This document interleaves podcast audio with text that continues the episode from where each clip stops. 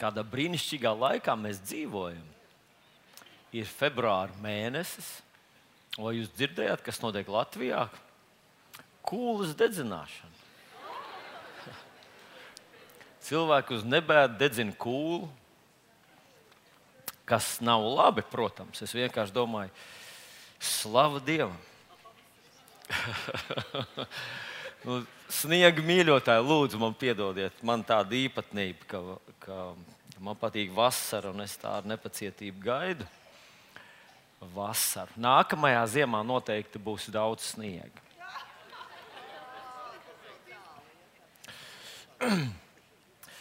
Vēl es gribēju mūs visus apsveikt. Mūs, mums Rīgā ir jauns laukums, saucās Reformācijas laukums.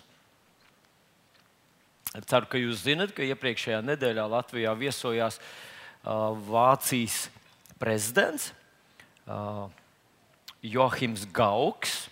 Un viens no mērķiem, kāpēc viņš brauca šurp, viņš gribēja atklāt kopā ar mūsu valsts prezidentu un amatpersonām atklāt reformācijas laukumu. Un man bija tā privilēģija būt tur starp ļoti cienījumiem viesiem, augstskolu vadītājiem, politiķiem un, un, un, un, un biskupiem. Un būt tur un dzirdēt uh, šī Vācijas prezidenta uzrunu. Un izrādās, viņš ir bijis bijušais Lutāņu mācītājs. Un pavisam vienkāršā valodā viņš uzrunāja. Viņš teica, redziet, kā ir. Iespējams, ja nebūtu bijis 89. un 90. gads, kad lielās tās pārmaiņas un Vācijas atkal apvienošanās, un, un, un ne tikai tur nokrita mūris, mēs zinām arī tas dzelzs mūris, aiz kur mēs ar jums dzīvojām. Neviens mēs to mūru neesam redzējuši, bet zinājām, ka viņš ir. Ja tās nebūtu kritis, iespējams, būtu atbraucis šeit kā privāta persona, kā mācītājs, un tā par plecu skatījies, kāds man seko, izseko, noklausās. Bet nu, viņš saka, ka atbrauc kā prezidents. un tad viņš teica, ka Dievs uh, paņem to, kas ir uh, necieņā, un paceļ to godā. Un viņš tā dara vienmēr, un mums atliek to ar pazemību pieņemt un, ar, un uh, apbrīnot viņa darbus. Nu, es atceros, kad es vēl mācījos uh, universitātē. Uh, Tad reizes es tā bramanīgi aizstāvēju reformāciju un tās lielās, lielos pozitīvos mm, sekas, ko mēs ieguvām tur. Un tad bija vesela grupa cilvēku, kas apgalvoja, ka uh, nebūtu reformācija netiek vērtēta viennozīmīgi. Ir liela grupa cilvēku, kas uzskata, ka reformācija ļoti daudz ko sabojāja. Nu, kā, manuprāt, mūsu valsts pilnīgi valstiskā līmenī ir atzinusi, ka reformācija bija no dieva. un tagad Pēterbaznīcas priekšā ir laukums, kur jūs varat aiziet un, un atrasties tiešā reformācijas ietekmē. reformācijas laukums. Domāju, ka tas ir ļoti pozitīvi.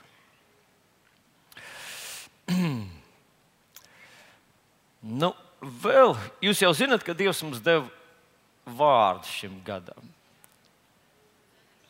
Un kāds man teica, vairāk nepieminu mācītāju to vārdu. Un te es salikšu kopā vairāk ziņas, ko esmu sadzirdējis jau. Kāds saka, es jau esmu izmainījis visu rītu, es vairs no rīta neko neklausos, neskatos. Es iesāku ar lūkšanu, es apliecinu ka tas kungs ir ar maniem, ka šī būs brīnišķīga diena, ka šī būs Dieva klātbūtnes, Dieva uzvara, Dieva godības diena. Es ticībā ceļos un, un uzvaru. Es paļaujos uz Dievu. Es būšu šodien par svētību, tā kunga godība man apgaismos, un es apgaismošu visas tautas, un mani dēli no tālienes dodas jau šurp, un meitas tiek nestas Slavu Dievam, mācītāji. Es jau esmu tur, kur tu teici, man jābūt. Kā cits teica, es sāku ļoti daudz lūgt mēlēs. Agrāk es Dievam sīkas instrukcijas devu.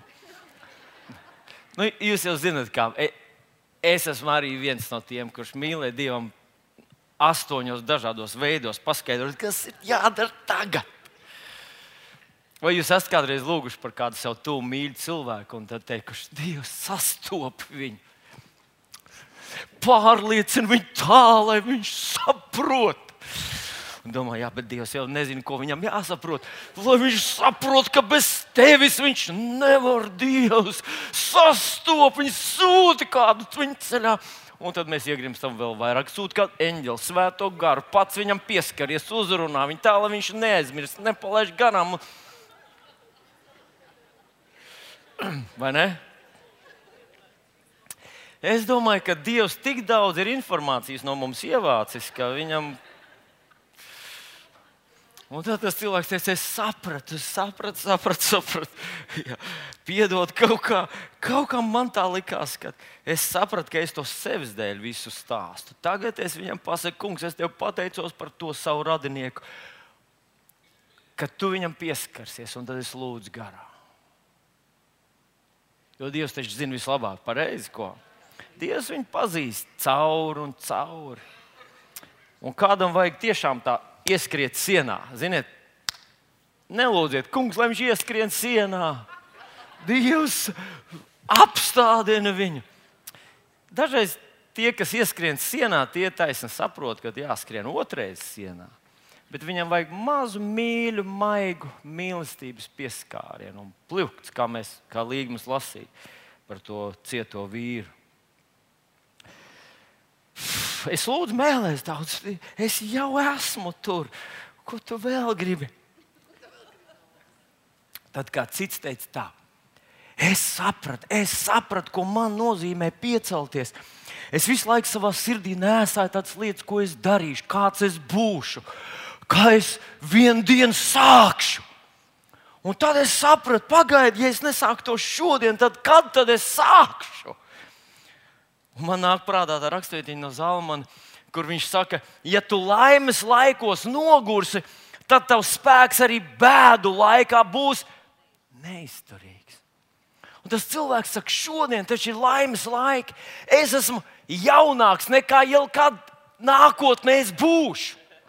Man ir visvairāk enerģijas tieši šodien, rītu. Varbūt nu, viņas vairs nebūs tik daudz. Es zinu, ka šodien man jākļūst par to, par ko man jākļūst. Un es šodien varu darīt tās lietas, kuras nesāju savā sirdī, ka gribu darīt tās rīt. Man jāsaka, es arī spēru vienu soli tādu lielu šajā virzienā, jo es sajūtu savā sirdī, ka man vajag būt tajā evangelizācijas grupā. Nu, būt kopā ar tiem cilvēkiem, kas piekdienas vakarā, jūs zināt, piekdienas vakarā, kad mēs visi izstiepjam savus kājas un sakam, fuuu, nedēļa pagājusi. Ir cilvēki, kas uzģērb uh, biezas zeķes, pufaikas un dodas uz pilsētas džungļiem.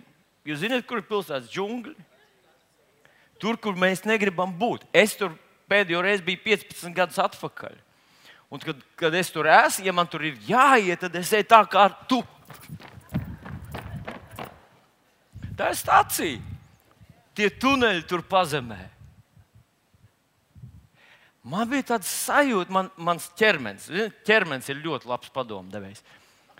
Saka, tu tur neesi radīts. Ne, tu, tu tur neiederties. Es nezinu, Un tad es vienu piekdienu, otru piekdienu, un vienmēr kaut kas notiek, kaut kas nokrīt, kaut kas valstiski atkal, atkal Amerikas prezidents kādam piezvan, un man nesanāk aiziet. Un es sapratu, ir, ja tu laimes laikos nogursi, ko tu darīsi tad, kad, tad, kad būs grūts laiks? Sapratu, man jāiet. Un es aizgāju. Gāja tunelim cauri. Man liekas, visus man liekas, oh, šis ir atnācis. Ko tas darīs? Likās, ka viss garīgā pasaule skatās. Nē, tu tur neiedries, lasies prom, ej prom, pārprāts, visi te redz, tagad visus tevi skatās. Jums tā nekad nav bijis. Nu, Piektdienas sešos sadiecieties, aiziet, jūs, jūs sajutīsieties. Un tad mēs ar Rojāru iegājām stācijā. Jūs zināt, visi tur ir vai nu tie, kas kaut ko meklē, vai tie, kas vienkārši tā iet projām. Nu. Un tur viens puisītis pieņēma, jā, interesanti. Tur vairāk gadījumu bija, bet tas bija, tas bija vienkārši unikāla pieredze. Mēs bijām ar Ojāru. Ojārs ir izstrādājis tādas vairākas prasmes, kā uzrunāt cilvēku. Un te mēs stāvam ar divām jaunām meitenēm, runājam, viņš viņām pastāstīja evanģēliju. Un, un, un, man liekas, viņas ir novestas jau līdz asarām, tūlīt. Labā nozīmē. Pēkšņi no to līdz iznāk jauns puisis, skatās pie jaunām meitenēm, stāv divi onkuļi, laikam tēvi. Un viņš ir jau 5 metrus paskrien, gatavs mukt. Nu, viņš domā, ej, nu sazina, ko es esmu sastrādājis. Pareiz. Un meitenes arī gatavs mukt. Un dojārs saka, viņš ir ar jums, panāc šurp. Tas puisis pienāk, Izrādās, jā, ticīgs, jā, lūgs, tagad jā, viņš lasīs, jā, viņš saprot. Paņem traktātiņu. Tas notiek stācijā, tur, kur mums šķiet, ka tur nevar izdzīvot. Turpat uz vietas cilvēki uz kāpnēm, vidū, zāles vidū, pieņem jēzu, noskaita lūkšanu, sadzird evaņģēlu, atkal atcerās ka viņi nevar bez dieva, ka viņiem vajag.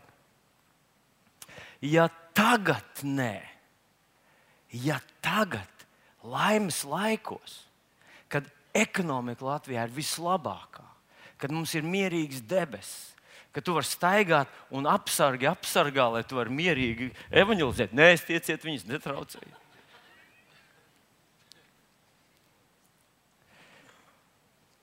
Es nestāstīšu nianses, bet iebraucām stāvvietā, es saku, mēs uz evanģelizāciju. Ok, jums būs 50% atlaide.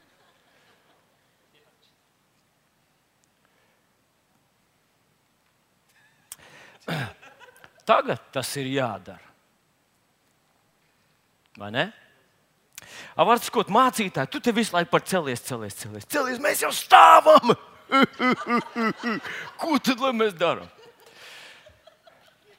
Bet, eh, mīļie draugi, nu, jūs zināt, es vispār esmu tāds, kurš eh, katru svētdienu nāk ar jaunu ideju, jaunu sprediķi. Un visu šo mēnesi es skaidri sadzirdēju, Dievs uzrunāja man vienā mirklī un teica, kas man ir jāsaka. Un es ticu, ka viņš tiešām sagaida, ka mēs ar tevi nevis vienkārši sajutīsim kaut ko, nevis padomāsim, bet mēs izmainīsim savā dzīvē. Reāli kaut ko darīsim, lai atbildētu uz Dieva vārdu un aicinājumu. Un šodien, sakarā ar šodienu, man vakar piezvanīja viena no mūsu draugu sievietēm, viena māsa. Viņa man jautā, ko Līga dara. Es saku, nu, Līga ir oficiālā. Viņai pirmdienā, otrdienā būs Bībeles skola. Viņa apmēram līdz pusseptiņiem tur būs. Vai tu zini, man šodien ir vārda diena? Es saku, ups, es zināju, es vakar vēl zināju, bet kaut kā palaidu garām, ka šodien man mājās ir kūka un kafija. Atbrauc pie manis. Uh, uz kūku un kafiju, ja jau līga ir oficiālā, tad tu vari mierīgi atbraukt pie manis. Un, un es saku, Un es saku, jā, bet es tikko biju pilsētā, esmu tagad jau aizbraucis prom. Tā, varbūt kādu citu reizi un tā.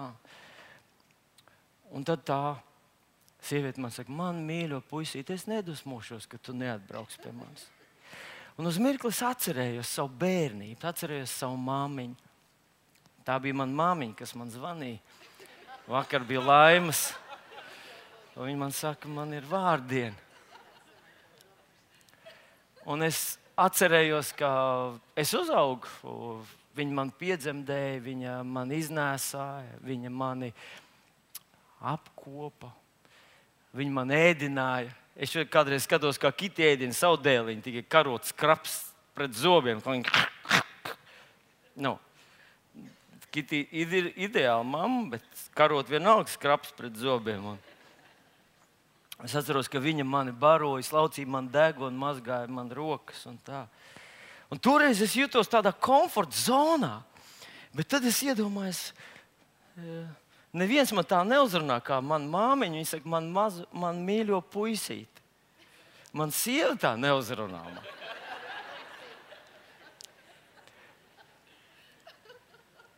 Bet es nevarētu atgriezties vairs atpakaļ tajā komforta zonā, kur es biju.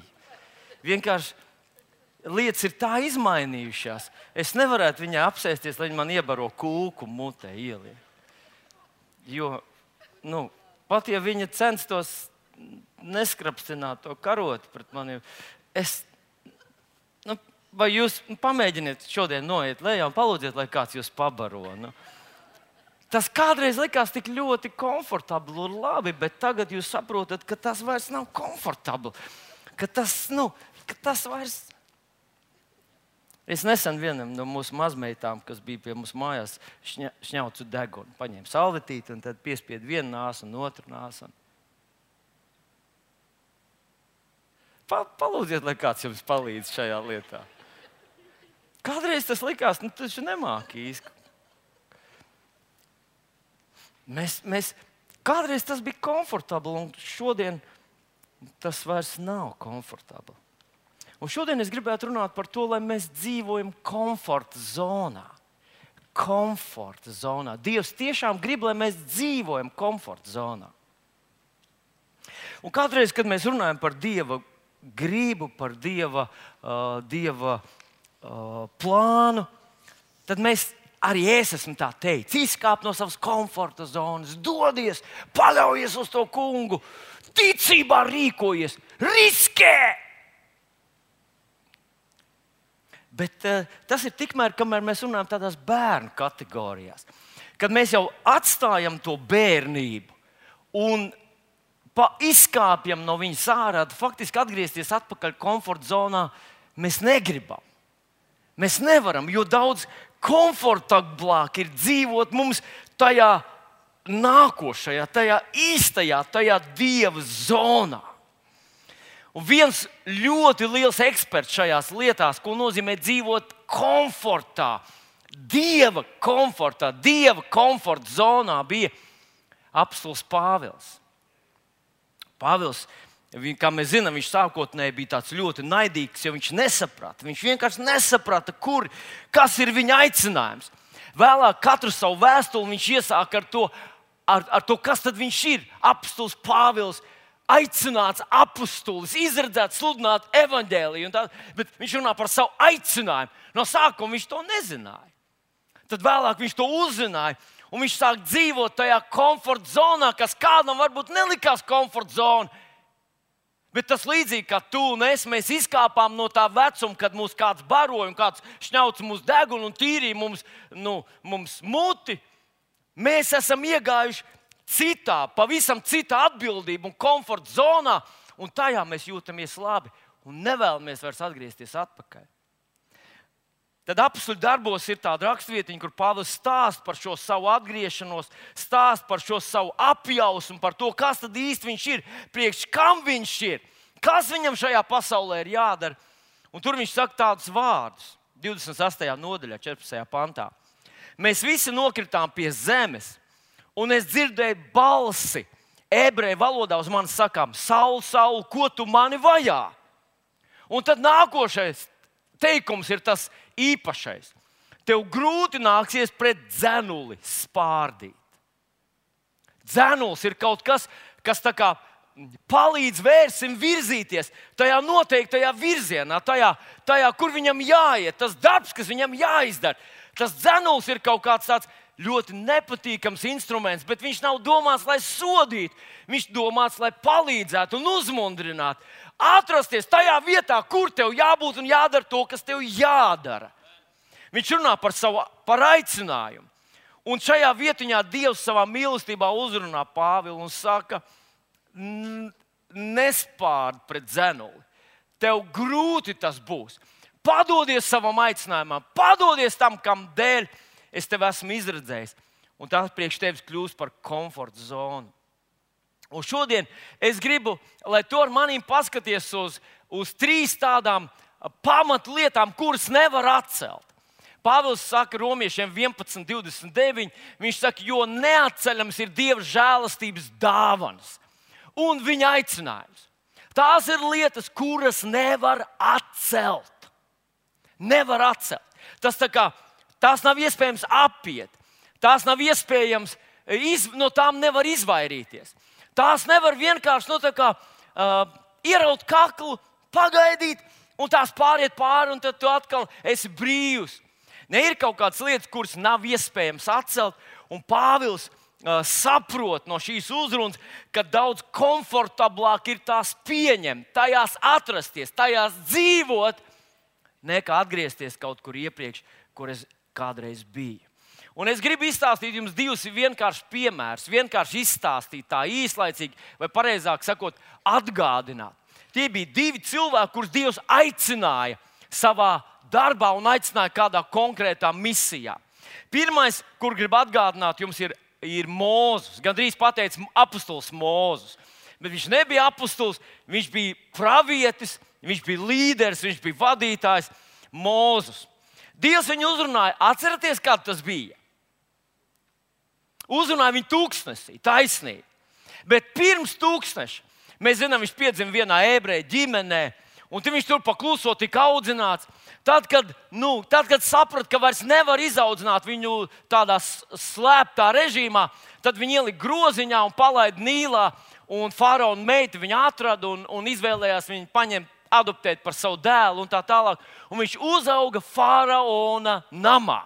Viņš uzauga visdisciplinātākā, visgudrākā, vis, brīnišķīgākā, visvarenākā vietā uz pasaules. Un tagad skatoties, es tā pie sevis domāju, kamēr viņš atradās faraona namā, Dievs būtu varējis viņu tur uzrunāt pareizi. Vai Dievs būtu varējis? Protams, Dievs visu var. Dievs varēja parādīties sapnī, varēja parādīties kā eņģelis, varēja uzrunāt viņu šādu vai tādu. Bet tas nenotika. Un tad notika, mēs zinām, beig, beigās viņš tur nogalināja vienu, vienu um, eģiptieti, kurš uzbruka ebrejam, aizstāvēja viņa taisnības apziņu, viņā pamodās. Viņš nogalināja viņu, un tas tika zināms faraonam. Faraons gribēja viņu nogalināt, sodīt, un viņš bēg. Viņš aizbēga prom no Eģiptes. Viņš šobrīd ir krimināls mm, noziedznieks, viņš ir meklēts. Viņu meklē visa valsts, Eģiptes vara, lai viņu sodītu par to, ka viņš ir izdarījis slepkavību. Un tur, tur Dievs viņu uzrunā un saka viņam, Mūzu, dodies uz Eģipti atpakaļ, ej pie faraona, un es gribu izvest savu tautu. Un Dievs viņam stāsta, Dievs ļoti tik daudzvārdīgs, kā šajā vietā es nekad neesmu redzējis Dievu. Dievs viņam stāsta, es palīdzēšu, es izvedīšu no sākuma, viņi negribēs, bet eh, es, es došu žēlstību, un beigās jūs iziesiet, un viņi tev paklausīs. Un visu to noklausījies. Mūzika saka, viņi man pajautās, kā sauc to Dievu. Un Dievs viņam dod dīvainu vārdu. Nu, manā izpratnē, divi. Saka, es esmu tevi sūtījis. Nu, nu labi. Nu, Mūzika, nu labi, es viņam teikšu, es esmu. Te, es esmu, mani sūtījis Dievs, es esmu. Bet viņi man neticēs. Un tad Dievs atkal sāk viņam skaidrot, un viņš saka, viņi ticēs tev. Iebāz savu roku azotē, viņš iebāz roku azotē, izvelk ārā, tā ir spitālīgi, iebāz vēlreiz azotē, izvelk ārā, tā ir tīra. Ņem to savu zīzli, met zemē, pārvēršas par čūsku, paņem to aiz astes, pārvēršas par. Atcerieties, kā Kārls mm, Gustavs kādreiz pie mums bija. Mēs no šiem diviem trikiem būtu uztaisījuši pasaules kalpošanu, starptautisku pasaules. Mēs braukātu pa visu pasauli, visur to triku rādīt. Nu, un viss pasaule būtu sajūsmā par to, vai ne? Iedomājieties, tu tur sēdi, es nometu savu zīli, zinu, tas ir čūska, tu, ah, ah, ah, un es paņemu to atpakaļ. Katrs gribētu redzēt, cilvēki nostātos garās rindās, un katram priekšā nomest čūsku, un, un tad saņemt, nu, rādīt šito, Tas būtu brīnišķīgi. Mūsu to visu noklausīs, pamēģināja, saka, nē, es, nevaru, es, es nemāku parunāt. Un Dievs atkal viņam skaidro un tā tālāk, Ārons un tā. Un beigās teiks, Dievs sadusmojās uz viņu. Es nezinu, kā tas izpaudās, bet rakstīts, Dievs uz viņu sadusmojās, un tad vairs nekas nav teikts. Mūsu saprata, ka jā, nu, Saka, diezgan ir diezgan, vai ne? Nu, protams, mēs ar tevi esam citā derībā. Dievs zvērē, ka viņš uz mums vairs nedusmojas. Kāpēc? Tāpēc, ka viņš visas savas dusmas izgāz par Jēzu Kristu. Šodien Dievs mūs nesit, nesod, bet Pāvils saka, viņa aicinājums nav atceļams. Tas nozīmē, ka nu, tas otrs piemērs, manuprāt, arī ļoti uzskatāms. Dievs vienā dienā uzrunāja Jonu, es atkal gandrīz pateicu, apakstuli Jonu. Dievs uzrunāja Jonu pravietu un saka, viņam te jādodas uz Ninivu. Niniva ir ienaidnieku zeme, ienaidnieku tauta, ienaidnieku pilsēta. Un jāiet viņiem pasakot, ka Dievs viņus iznīcinās pēc 40 dienām. Un Jonas dara, Jona nerunā. Izsaka, Jona nerunā. Jona uzklausīja, ah tā.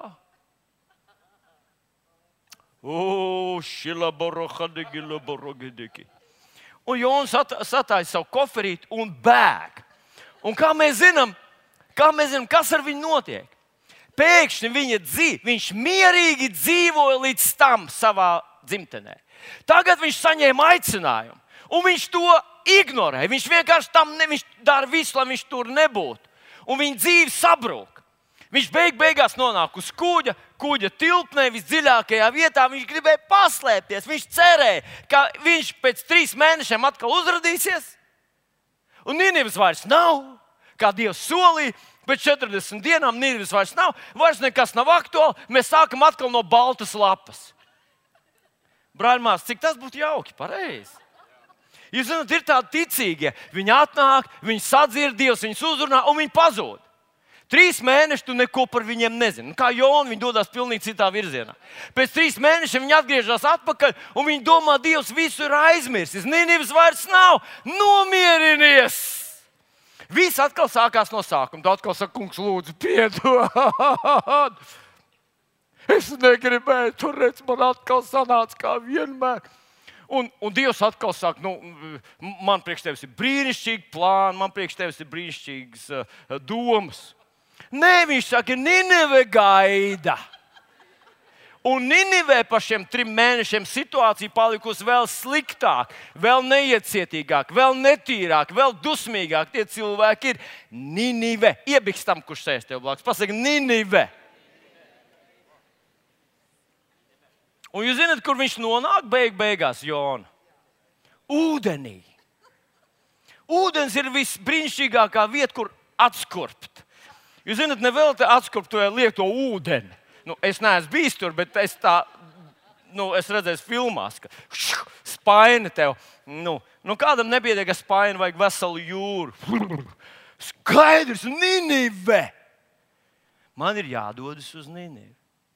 Man ir aicinājums. Man tas ir jāpiepild. Tas ir neatceļami. Šodien es gribu runāt par trim lietām, kas ir neatceļamas, kurām nevar paiet garām, kuras nevar aizvietot, kuras nevar nogaidīt, kuras nekad nebeigsies, kurām nav iespējams paiet garām. Tā pirmā, pirmais aicinājums, kas mums ir dots pilnīgi visiem, pilnīgi visiem, tās ir individuālas, personīgas attiecības ar Jēzu Kristu. Individuālas, personīgas attiecības ar Jēzu Kristu. Mēs visi zinām Jāņa 3.16, jo tik ļoti Dievs pasauli mīlēs, ka Viņš devis savu vienpiedzimušo dēlu, lai neviens, kas viņam tic, nepazustu, bet dabūtu mūžīgo dzīvību. Un mēs kādreiz domājam, ka ticēt Jēzum nozīmē izteikt vārdus. Jēzu, es ticu, tu esi mans Dieva dēls, tu esi mans glābējs, es ticu, ka tu uzcēlies no nāves. Aleluja! Nu, es esmu glābts ja tu ticībā patiešām pateici to lūgšanu, tu esi glābts. Bet kas tad ir tā mūžīgā dzīvība? Un tu, mēs visi zinām, tas ir zelta pantiņš, kur prieka vēstneši visi zina. Jāņa 3, 16, nākamais pantiņš ir 17, Jāņa, Jāņa 17, 3. Jāņa 17, 3 ir. Ko? Jāņa, ne, Jāņa 17, 3 ir Bet šī ir mūžīgā dzīvība. Kas ir mūžīgā dzīvība? Bet šī ir mūžīgā dzīvība, ka viņi atzīst tevi vienīgo patieso Dievu un to, ko tu esi sūtījis glābēju Jēzu Kristu. Ko nozīmē atzīst? Tas nozīmē personīgi. Personīgi pazīst. Tas nozīmē, man ir personīgas attiecības ar viņu. Es viņam klausu, viņš dzird mani, viņš sadzird mani, viņš, viņš, uh, viņš ietekmē mani. Es ietekmēju viņu, viņš ietekmē mani. Man ir personīgas attiecības ar kungu Jēzu Kristu. Mīļie draugi, mēs šīs lietas ir neatceļamas neatceļams. Tās nevar aizvietot, tās nevar atrunāt. Tās nevar teikt, esmu tāds, nu, nu man ir, ir, ir, ir, ir. Kā kādreiz cilvēks saka, es jau mīlu Jēzu. Es jau mīlu, ja es mīlu Jēzu. Es vienkārši dzīvoju grēkā. Es dzīvoju grēkā, bet mīlu Jēzu. Es tā tas vienīgais pasaulē. Neviens cits uz to nav spējīgs. Bet es, mācītāji, varu Es meloju, bet es mīlu Jēzu. Es zogu, bet es no visas sirds esmu neprātīgi iemīlējis Jēzu Kristu. Es pārkāpu laulību, bet netiesājiet mani, jo es, es mīlu Jēzu Kristu. Ziniet, kā izpaužas mīlestība? Mīlestība izpaužas tajā, ka mēs mainamies. Ziniet, kā, kā, kā pasakā, Divi cilvēki nodzīvojuši garu mūžu kopīgi. Viņi beigu beigās paliek līdzīgi. Bībele saka, ka mēs, ja mēs skatāmies uz Kristu, tad mēs mainamies. Tas nav iespējams. Nav iespējams, un tad ir Bībelē vairākas tādas vietas, kur saka, ka tas, kurš saka, ka viņam ir sadraudzība ar Dievu un ienīst savu brāli, viņš melo, jo tas nav iespējams. Nav iespējams raudzīties uz gaismu un dzīvot tumsā. Un Kristus ir gaisma. Tas nozīmē īstenībā cilvēks, kurš patiešām kurš veido savas attiecības ar kungu Jēzu Kristu, kurš sācis šo procesu, attiecību veidošanu ar kungu Jēzu Kristu, viņa dzīvē sākās transformācijas process. Viņš sāk mainīties. Tas, kas agrāk viņam sagādāja prieku, pat ja viņam sagādā tas prieku vēl aizvien, Kaut kas viņā sāk, sācis mainīties. Un viņš sāk pārdomāt, viņš sāk izvērtēt, ko tas ar maniem dara, pie kā tas man noved, kas tas īstenībā ir, kāpēc es daru to, ko es daru. Jo es mīlu kungu Jēzu Kristu. Man bija ļoti spilgts viens gadījums, kur es redzēju, kā tas notiek. Viens puisis eh, iemīlējās vienā patiesi ticīgā meitenē. Un, ziniet, viņš atnāca ar maniem parunāt, un viņš tā stāsta, kad, kad, mm, ka viņš ir iemīlējis to meitenīti, un ka viņš viņu grib dabūt, un ka viņš ir gatavs visu kaut ko, kur, kur jums vajag palīdzēt. Es saku, mums nekur nevajag palīdzēt īstenībā. Es viņam saku, tev vajag patiesi jēzus pieņemt par savu kungu. Jā, jā, jā, jā, jā, jā. Viņš, nu, es māku spēlēt instrumentu, un es varu nākt slavēšanā, un es, un es, un skatos, vienu dienu viņš lūkšanās parādās. Es tā uzreiz, ah, jā, ir arī, mm, ir arī, mm, ir arī meitene un, un, un tā. Un no, skatoties no malas, tu varētu teikt, puisis mīl Jēzu Kristu. Lūkšanās viņš ir slavēšanā, viņš sāk uh, mācīties dziesmas, viņš tūlīt spēlēs uz platformas. Un kādreiz mēs domājam, ka visi tie, kas tie ir tie ir īpaši akreditācija izgājuši debesīs. Nevienmēr vienkārši kādreiz viņiem ir vēlēšanās, viņi mākslinieki spēlēt instrumentu, viņi grib kalpot. Nu, dažādu iemeslu dēļ, un viņi te ir. Labi? Jūs, jūs, jūs sapratāt, ko es gribēju teikt? Es nenoniecināju nevienu no viņiem. Es vienkārši teicu, ka mm, debesis nesūta mums sarakstu, kurš šodien drīkst uzkāpt uz platformas. Un tad, kad tā meitene, ļoti gudra meitene, viņam teica, ka nē, kā jūs domājat, kas notika? Jā, jā ļoti pareizi. Viņš iekars, viņš sāk meklēt to kungu no visas sirds. Nē, viņš pazuda tā kā, tā kā rudens lapa. Un viņa vairs nebija. Kāpēc? Jo nebija priekš kam. Kāpēc? Ja cilvēks nāk uz draugu, viņš var darīt, viņš var lūgšanā, viņš var celt rokas un ar visiem kliegt, aleluja. Viņš var mm, pieteikties kalpošanā, viņš var kaut kur darīt, bet viņam nav šīs personīgās attiecības ar Jēzu Kristu. Viņam nav tā, ko Pāvils saka, iemīlēties, mīlēt viņu. Paklausieties, kas notiek ar cilvēku, kuram ir personīgas attiecības ar Jēzu Kristu. Viņš viņā iemīlas. Tas ir nenovēršams, tas ir neiespējami to izmainīt. Tas, kā jūs zināt, bija tas zinātniskais eksperiments. Vīru, vīrieti un sievieti ieslēdz liftā uz trīs gadiem. Pēc trīs gadiem attaisīja durvis, tur jau ir bērni. Jau. Nu, jūs saprotat, nav iespējams salikt vīrieti un sievieti kopā. Agrāk vai vēlāk viņi iemīlēsies, jo viņi ir tādi radīti. Viņi ir radīti vīrietis un sieviete, plus un mīnus. Un Bībele mums saka, ka Dievs ir radījis cilvēku priekš Dievu. Mēs esam radīti priekš Dieva. Tu esi radīts priekš Dieva. Tas ir normāli, ka tu ieraugi kungu Jēzu Kristu, ka tu ieraugi viņa nenormālo mīlestību. Es lieku pēdiņos, viņa brīnumaino, neaprakstāmo, neizskaidrojamo mīlestību, lēmprātību, viņa dāsnumu, viņa uzmanību, ar kādu viņš attiecas pret tevi. Kad tu saproti, cik viņš pacietīgi tevi gaida, cīnās par tevi, maksā par tevi, lai tevi pietuvinātu sev. Nav iespējams cits rezultāts. Tu iemīlēsies viņā.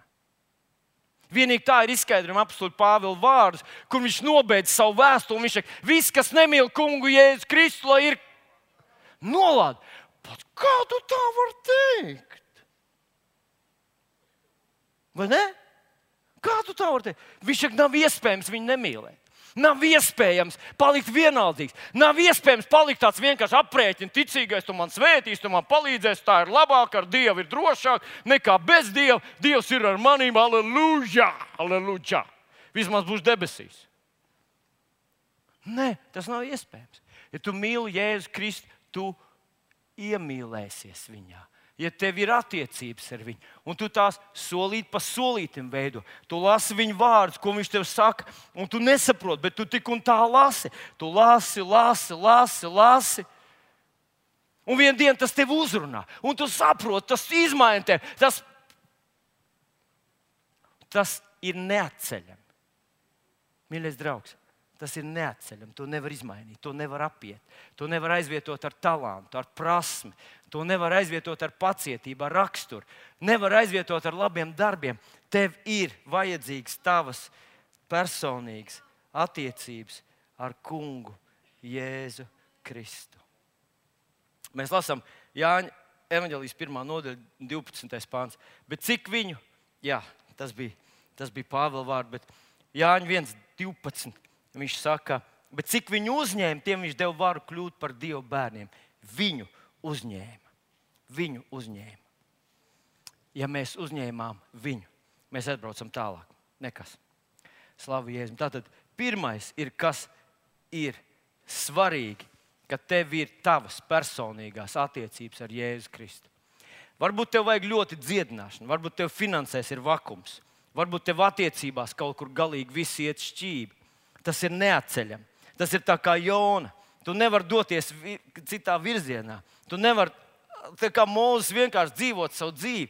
Tas ir tas, kas tev kā kristietim ir, ir jāsāk veidot savas personīgās attiecības, tavas sarunas, tavas intīmās sajūtas, tavas ļoti, ļoti personīgās attiecības ar tavu glābēju un kungu Jēzu Kristu.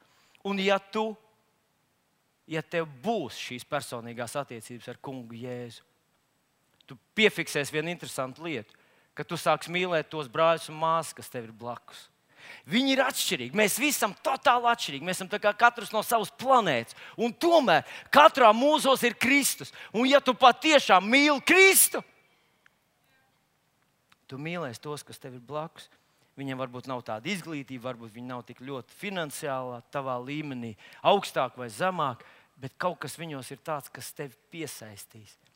Un, mīļais draugs, es šodien tev vēlreiz gribu pateikt, ka tu nevari tam aiziet garām. Tas ir komfortabli, tas ir brīnišķīgi, tas ir aplaimojoši, tas ir satriecoši bauda būt personīgās attiecībās ar kungu, attiecībās ar kungu Jēzu Kristu. Jaunieši!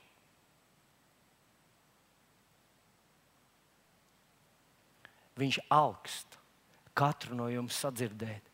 Viņš augst uzrunāt jūs. Kādreiz, kad tev ir 13, 14 gadi, tad tev vēl, vēl, vēl, vēl galva netiek līdz kājām. Tā ir kādreiz. Kājas jau ir izaugušas, bet galva kā, kaut kur bremzējās. Bet Dievs ir gatavs uzrunāt tevi tav, tavas galvas līmenī. Es negribēju noniecināt nevienu. Vienkārši dod viņam iespēju. dod viņam iespēju te uzrunāt, pateikt, kā viņš tev grib vadīt, priekš kam tu šajā pasaulē esi. Kas ir tas nemieris tavā dvēselītē, kas var to remdēt? Dievs grib uzrunāt te. Man jāsaka, ka savos 11 gadiņos, kad es biju pusaudzīts, es jau mācīju sarunāties ar viņu. Es jau biju piedzīvojis viņa klātbūtni, kad nolaižās viņa klātbūtni. Neviens nezina, kas ar tevi notiek, bet tu zini, tas bija kaut kas, tas bija, tas bija brīnišķīgi. Huh! Un tas dod tik daudz spēka, tik daudz miera, tik daudz drosmes, gandarījuma un gudrības, kur tev šajā pasaulē ļoti, ļoti vajag. Tā otra lieta, ko es gribu šodien pateikt, aicinājums, kurš ir neatceļams. Vienkārši to nevar izmest ārā, nevar apšaubīt, nevar apiet. Ir tava dāvana un tavs personīgais aicinājums. Tavs personīgais aicinājums. Un tagad paklausies, izvēlējos šo rakstvietiņu no Evizīšu vēstures 4. nodaļas, 11. pāntu, 11. un 12. pāntu. Viņš arī devis citus par apstuļiem, citus par praviešiem, citus par evanģēlistiem, citus par ganiem un mācītājiem, lai svētos sagatavotu kalpošanas darbam, Kristus miesai par stiprinājumu. Viņš devis tos dažus, lai ko? Lai kalpotāji būtu. Te, te tas tā, tā. Es nezinu, kādreiz, vai tu esi par to domājis. Viņš devis apstuļus, lai svētos sagatavotu kalpošanai. Viņš devis apstuļus, praviešus, skolotājus, mācītājus, lai svētos sagatavotu kalpošanai. Un es gribu pateikt, paklausieties tādu interesantu fenomenu, ka no paša sākuma mēs jau redzam, ka tie kalpotājiem, kuriem Dievs uzticēja ļoti daudz, viņi ar to nebija apmierināti. Nu, mums jau šodien dzirdējām, pieminam Ādamu, Ādam ēdienas dārzā. Vēlams viņam teica, paklausies, kāpēc tev vajadzīgs Dievs? Tu pats vari būt Dievs. Tā kā neesi apmierināts ar to aicinājumu, kāds tev ir, bet kļūst par kaut ko citu, kaut ko nozīmīgāku, lielāku. Nu, bija vēl viens ļoti spilgts piemērs. Mēs visi zinām, vai ne? Kurš tas bija? Kurš tas bija? Lucifers. Viņš bija visspilgtākā būtne. Viņš bija mūzikas vadītājs, viņš bija slavēšanas vadītājs debesīs. Viņš bija visaugstāk viens no trim ķērubiem, visvairāk pietuvinātais dievam. Bet zinot, kas bija interesanti? Viņš nebija ar savu vietu apmierināts. Viņš nebija apmierināts ar to talantu un to aicinājumu, kādu Dievs viņam bija devis. Un es ik pa laikam sastopos ar to, ka cilvēki nav apmierināti ar to, kas viņiem ir uzticēts. Bet Tas nav atceļams, tas nav apspriežams, tas nav maināms. Tas nav maināms. Un, zinot, ļoti spilgta, ļoti spilgta līdzība, ļoti spilgta ilustrācija ir, ir uh, vecās derības mūzus, kur Dievs paceļ kalnā un rāda viņam visu to, to namu, rāda viņam to templi. Atcerieties! Un tad viņš viņam saka, izgatavo pēc tā, ko tu redzēji kalnā, izgatavo šeit virs zemes. Un jūs saprotat, kas notiek ar mūzu? Viņš nonāk lejā. Nu, es, es tā būtu gribējis. Es tā būtu gribējis. Es tur biju kalnā, un tagad jūs skatieties, kā es to daru. Paņēmis būtu tur nu, zelta, tur, nu, kā īsts mākslinieks, izveidojis uz zelta ķērubu, uz zelta tur, tur, tur visu to. Bet vienīgais, ko Mozus varēja izdarīt, atcerieties, ko izstāstīt. Halo? Izstā, viņš varēja izstāstīt. Viņš ir kā vīrs bez rokām. Es redzēju, un es redzēju, tur bija ķērums, un tur, tur, tur, tur jābūt tādiem izmēriem, tādiem izmēriem, tādiem izmēriem. Tā kā galva bez rokām. Un tad viņš stāsta to, un Dievs saka, es esmu tev devis tur tos visus amatniekus, esmu tev devis cilvēkus, tie izgatavos, un tad parādās draudzene. Jūs zināt, manā izpratnē, piedodiet, ja jūs varbūt domājat savādāk, bet tur ir rakstīts, ka viņš ir devis apstuļus, praviešu, evanģēlistus un skolotājus, lai draugi sagatavotu, lai draugi varētu to realizēt. Jūs esat tās rokas. Un paskatieties uz savām rokām. Viņas ir izdarījušas tavā dzīvē lielāko daļu. Labos darbus izdarījuši tavs rokas. Tava galva varbūt to izplānoja, varbūt saprata, varbūt ieraudzīja ko, bet tās rokas ir tās, kas noglāstīja tavus bērnus, kas pacēla, kas atbalstīja, kas rīkojās, kas realizēja to. Un zinat ko? Manuprāt, ļoti daudz roku šodien Dieva valstībā ir neapmierināts ar savu statusu. Mēs gribam būt galva. Mēs visi gribam būt galva. Dievs saka, galva vajadzīga tikai viena, vajag ļoti daudz stipru roku. Amen. Saka, man vieta ir brīnišķīga. Mans aicinājums ir brīnišķīgs. Un tas ir neapspriežams. Halleluja! Vilni, vilni, izskatās, ka tu ļoti baudi to, ka tu esi mācītājs. Vienīgi svētdienā, vienu stundu. Jo tikko mēs izējām ārā, uzreiz tavs sākās aicinājums. Visas septiņas dienas nedēļā. Vai ne? A, ko? Jā, jā, tieši tā. Realizēt to, ko Dievs ir ielicis tavā sirdī. Un tad es pieskaršos trešajam aicinājumam, kas ir neatceļams. Un tas ir, tu esi daļa no miesas, tu esi daļa no Kristus ķermeņa. Tas ir neatceļami, tas ir brīnišķīgi, tas nav apspriežams, tas ir, ir svētība. Un te rakstu vietiņā es paņēmu no 1. korintiešu vēstulīs 12. nodaļas 18. pāns. Bet Dievs locekļus ir nolicis miesai ikvienu savā vietā, kā viņš gribēja. Es zinu cilvēku, un es varētu nosaukt viņu vārdu, bet es to neizdarīšu šovakar, šorīt. Kas to zina, varbūt līdz vakaram vēl no, no, uh, izturēsim kurš bija izcils uzņēmējs. Tiešām izcils uzņēmējs, bet viņš vienmēr ir bijis ar to neapmierināts. Un es atceros, viens mācītājs viņam pravietoja, tu esi uzņēmējs, Dievs svētīs tavu roku darbu, un viņš reāli sadusmojās. Protams, viņš baudīja to, ka viņš ir izcils uzņēmējs. Viņš nodrošināja savu ģimeni, viņš darīja arī labus darbus ar to savu uzņēmēju talantu, un aicinājumu un dāvanu bet viņš patiešām sadusmojās. Un viņš gribēja būt pravietis, viņš gribēja kaut kas vairāk būt nekā vienkārši uzņēmējs. Un man jāsaka, katru reizi, kad viņš pravietoja, kad viņš ir zvanījis arī man un centies man iestāstīt, ko Dievs viņa, uh, viņam ir teicis. Un kādreiz es uz to viņa to pārliecību arī uzķēros, un es izdarīju tā, kā viņš ieteica un brīdināja, un katru reizi es zaudēju. Jo es sapratu, ka es nevaru uzticēties tā vīra pravietim, kā pravietim, bet viņš ir brīnišķīgs uzņēmējs. Un es gribu pateikt, ka viena no lietām, kas ir neatceļama Dieva valstībā, neatceļama šajā pasaulē, ja tu tajā dzīvo un tu gribi pieņemt to savu aicinājumu, nevis lai tas tev apgrūtina un tev dzīvi atņem tev komfortu, bet iedod tev komfortu. Un tas ir tās ir tavas attiecības ar tavām finansēm. Tas ir vienkārši neiespējami. To nevar atcelt, to nevar izmainīt. Nav tā, ka tas attiecās uz kādiem uzņēmējiem. Uz viņiem tas, protams, attiecās pastiprināt un tieši, bet tas attiecās uz pilnīgi visiem. Tu skaties, ka Bībelē atkal un atkal, kad Dievs ceļ namu, mūzum, viņš saka, mūzum ceļ namu, un tad visa tauta tajā piedalās. Un tur rakstīts, ka viņi atnesa krēslas, auskarus, kaut kāds ķēdīts. Viņi brīžiem ņēma nost paši sev un nesatās uz turieni, lai tas, lai tas būtu dieva namā. Viņi no sevis atrāva, ieguldot to dieva namā. Tas nav mainījies.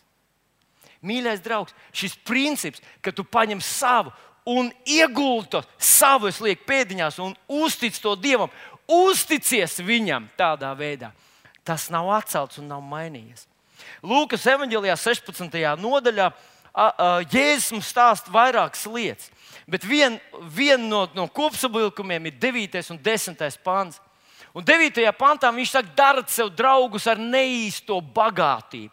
Ar neīstu bagātību. Dariet sev draugus, un tad viņš saka, tas ietekmēs jūsu mūžību. Jūsu neīstā bagātība, paejošā, laikmetīgā bagātība ietekmēs jūsu attiecības ar Dievu. Un desmitajā pantā viņš turpina šo domu. Viņš saka, kas vismazākā lietā uzticās, vai ir uzticams, vai paļaujas uz Dievu, tas būs uzticams arī lielās lietās. Es to pateiktu citiem vārdiem tā, ka pēc tavas attieksmes naudas lietās, faktiski tu pats vari sevi pavērot pēc tavas attieksmes vismazākajās lietās, visnenozīmīgākajās lietās ta, tu vari vērot, kas notiek tavās nozīmīgajās un svarīgajās lietās.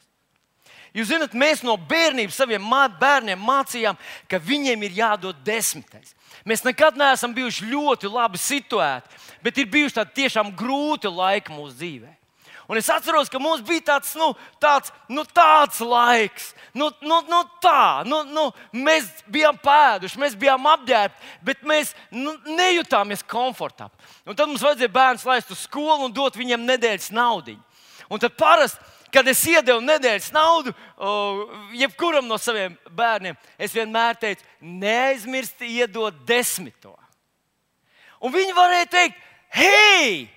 Mūsu mani klases biedri daudz vairāk saņem. Viņiem ir labāk telefoni, viņi labāk dzīvo, viņi var vairāk atļauties kafejnīcā. Kā tu vari man teikt, lai tagad no tā mazumiņa es vēl iedodu desmito? Tā mēs darījām. Un vēlāk es gribu teikt, mīļie draugi, ka ja tu iemāci savam bērnam uzticēties Dievam, tad, kad viņam ir 20 eiro, Uzticēties nozīmē būt uzticamam, nozīmē ticēt Dievam. Tad, tad kad viņš būs, ko? Toreiz bija divi Latvijā.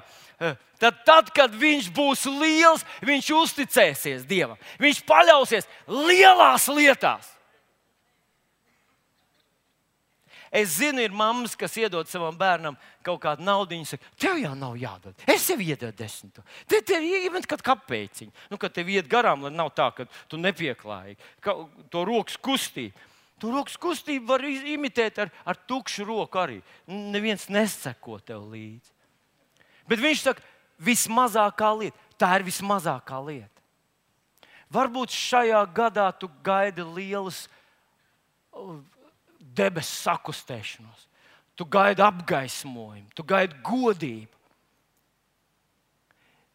Sāc spērt tos mazos solīšus, un tie mazie solīši ir uzticēties Dievam, ticēt Dievam ar savām finansēm. Pasaule Kad tu runā par meditāciju, viss teiks, o, oh, jā, jā. Kad tu runā par, par apskaidrotām teoloģiskām idejām, par transcendento dievu, par, par viņa mūžīgo mīlestību un pacietību, pasaule aplaudēs. Bet tikko tu sacīsi, ka, ziniet, tā mūsu lielā ticība sākās ar mazo ticību naudas lietās. Tā pasaule visa vibrē. Tu pilnīgi jūti, viņš ir mantkārīgs. Es domāju, tas viss ir naudas dēļ. Ne nav naudas dēļ, bet nauda pasaka to, kas notiek tavā sirdī. Un tas ir neatceļami. To nevar apiet. Tu vari aiziet uz kādu citu draugu, tu vari aizbraukt uz citu pilsētu, tu vari pazust pēc trīs mēnešiem un atgriezties tad, kad būs tēma dziedināšana. Bet tam nevar paiet garām. Šajā pasaulē tas tā ir iekārtots no paša, paša sākuma. Ir iekārtots, ka cilvēki to savu garīgo ticību izpauž ļoti praktiskā, materiālā veidā. Bībele ļoti daudz runā par finansēm. Un es vienkārši gribu te pateikt, tu nevari tam paiet garām. Tev varbūt vajag brīnumu tavā dzīvēm un, un to mēs varētu pielīdzināt kaut kādam tādam lielam notikumam, lielai lietai. Ja tu neusticies Dievam mazās lietās, visvienkāršākās lietās, tās ir naudas lietiņas. Ja tajās tu dari tikai tik, cik Dievs izvelk to cieši sakostajiem nagiem, viņš izvelk ar, ar varu izvelk ārā.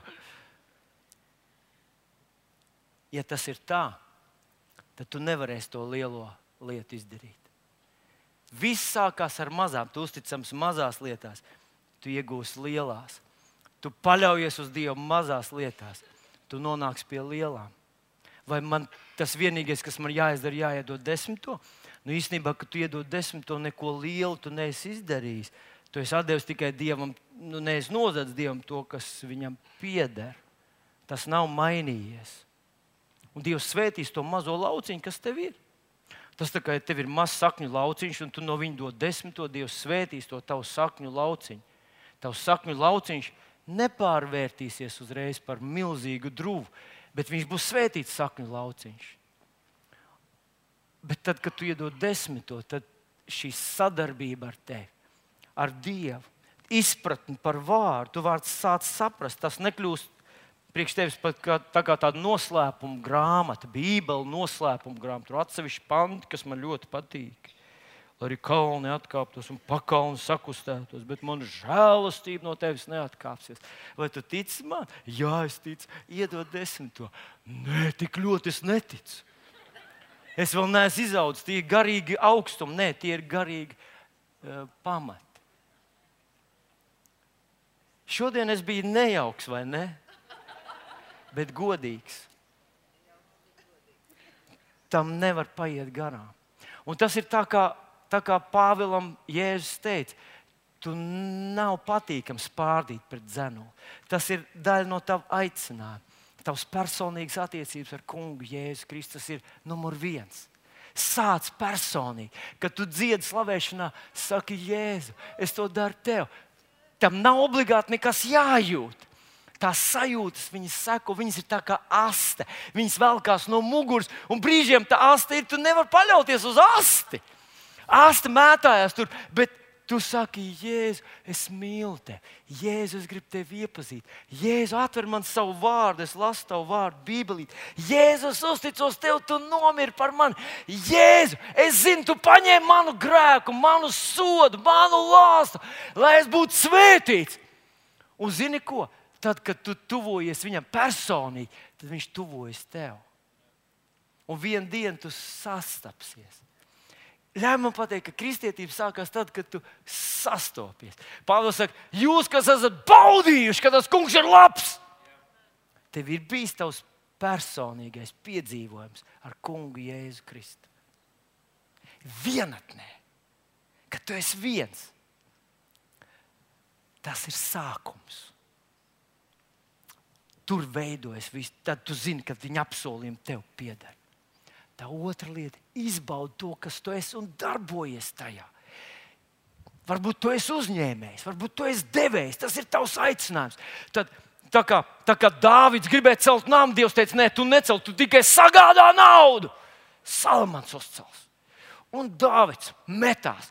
Viņa dvēselē tas nebija viegli. Ziniet, kāpēc viņam vajadzēja izliet asinis?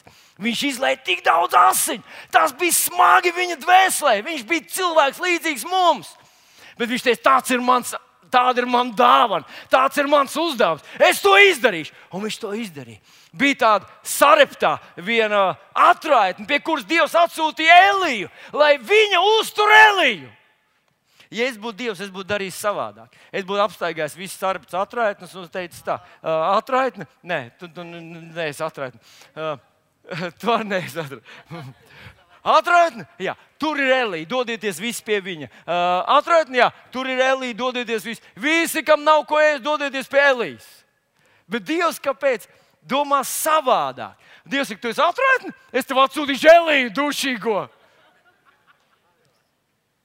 Kāpēc? Mums jau tā nav ko ēst. Un tā jūs izdzīvosiet. Ja mēs šodien paņemam savā sirdī šo te, kungs, paldies tev. Es pieņemu to tavu dāvanu, kur tu esi man devis. Es pieņemu to ar pateicību. O, paldies tev! Tas ir mans aicinājums. Hū!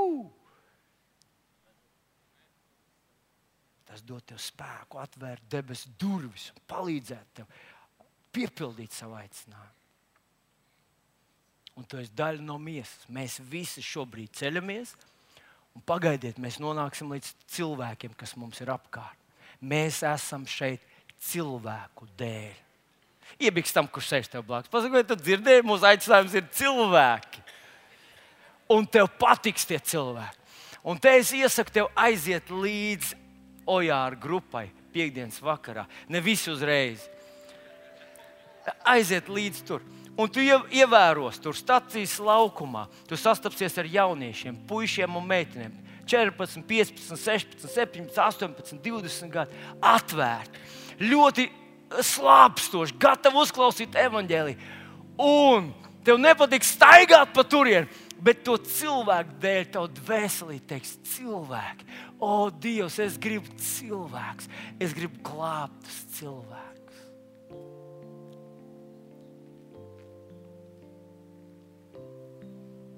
Aleluja! Paldies, Tev, debes Tēvs! Piecelsimies kājās! Debes Tēvs, es Tev pateicos par Tavu lielo žēlastību, kur Tu esi mums devis šajā rītā. Pateicos Tev, ka mēs varam mīlēt Kungu Jēzu Kristu. Es mīlu Kungu Jēzu Kristu. Es mīlu Kungu Jēzu Kristu. Pasaki līdzi ar maniem, es mīlu Tevi, Jēzu. Es gribu personīgas attiecības ar Tevi. Jēzu! Es esmu atnācis pie Tevis tevi pieņēmis.